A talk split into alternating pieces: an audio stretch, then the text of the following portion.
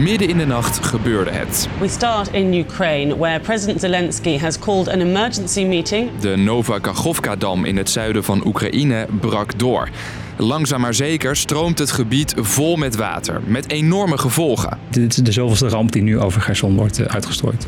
Waarom deze dam zo belangrijk is en wie er achter deze doorbraak zit, dat zoek ik, Dennis, voor je uit.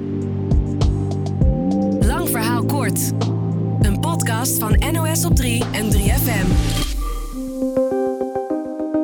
Oké, ik kan me goed voorstellen dat je niet precies weet waar de Nova Kachovka-dam ligt. Snap ik, had ik zelf ook. Typ je het in op Google Maps, dan kom je in Zuid-Oekraïne terecht, bij het laatste stukje van de Dnieper-rivier, die dwars door het land loopt.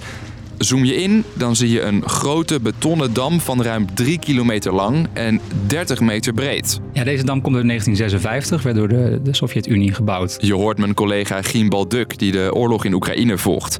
Die Nova Kachovka-dam is een belangrijke. Het zorgt ervoor dat omliggende dorpen niet overstromen en de stad Gerson droog blijft. En zorgt ook voor energie. Het is een waterkrachtcentrale die eraan verbonden is. Een groot deel van het zuiden van Oekraïne is afhankelijk qua stroom en water van die, van die stuwdam. Aan beide kanten van de dam moet het water op peil zijn. Er moet genoeg naar het zuiden stromen, zodat Schiereiland de Krim het als drinkwater kan gebruiken. Maar ook weer niet te veel, want als het water aan de noordkant te laag staat, komt deze kerncentrale in de problemen. De Zaporizhia-kerncentrale, de grootste van Europa. Die is qua koelwater wel afhankelijk van het water op in de Dnieper. Hij heeft een eigen waterreservoir, maar dat wordt gevuld met het water uit de rivier. Sinds het begin van de oorlog in Oekraïne is er hevig gevochten in het gebied rondom de dam. Er zijn ook al langer zorgen over de kerncentrale. Zie de show notes voor een aflevering die we daarover maakten.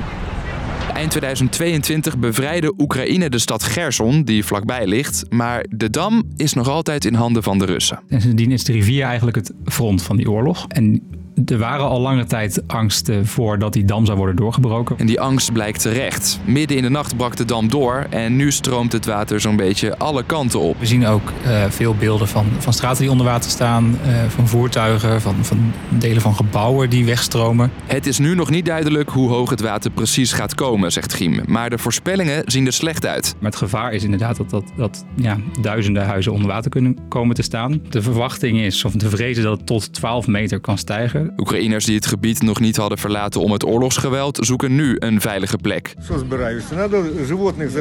Deze man neemt zijn dieren mee naar familie op een droge, hooggelegen plek, zegt hij.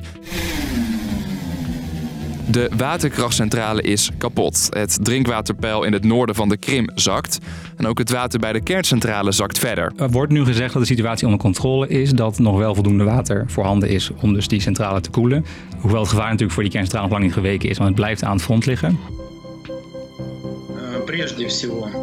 Hoe die dam is doorgebroken, dat weten we niet zeker. De door Rusland ingestelde leider van het gebied wijst naar Oekraïne.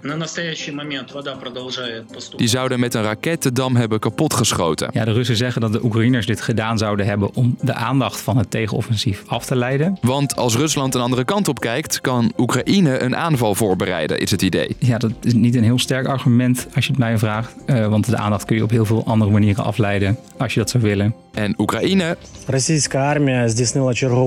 Beschuldigt Rusland. Zij zeggen dat de Russen de dam hebben opgeblazen om zoveel mogelijk Oekraïense slachtoffers te maken. Tot nu toe hebben we nog geen beelden gezien van die explosie zelf. Ehm, dus dat moeten we nog even met enig voorbehoud eh, eh, meenemen. En dan is er nog een derde optie: dat er helemaal geen raket of explosie was. Wat ook even goed zou kunnen, eh, is dat die dam sowieso al heel veel schade heeft opgelopen.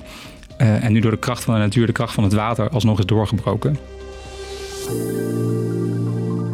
Dus, lang verhaal kort. Door de doorbraak van de Nova Kachovka-dam stroomt het water omliggende dorpen en delen van de stad Gerson in. De energiecentrale is stuk en er zijn zorgen om de kerncentrale en het drinkwater op de Krim. Wie erachter zit is nog niet duidelijk en het zou ook nog kunnen dat de dam het begeven heeft om de schade die het eerder tijdens de oorlog opliep. Nou, als je meer wil weten over de dam, check dan even onze Instagram-pagina. Daar hebben we alles voor je op een duidelijk kaartje gezet. Check de link in de beschrijving. Nou, dat was de podcast weer voor vandaag. Morgen zijn we er weer met een nieuwe. Tot dan!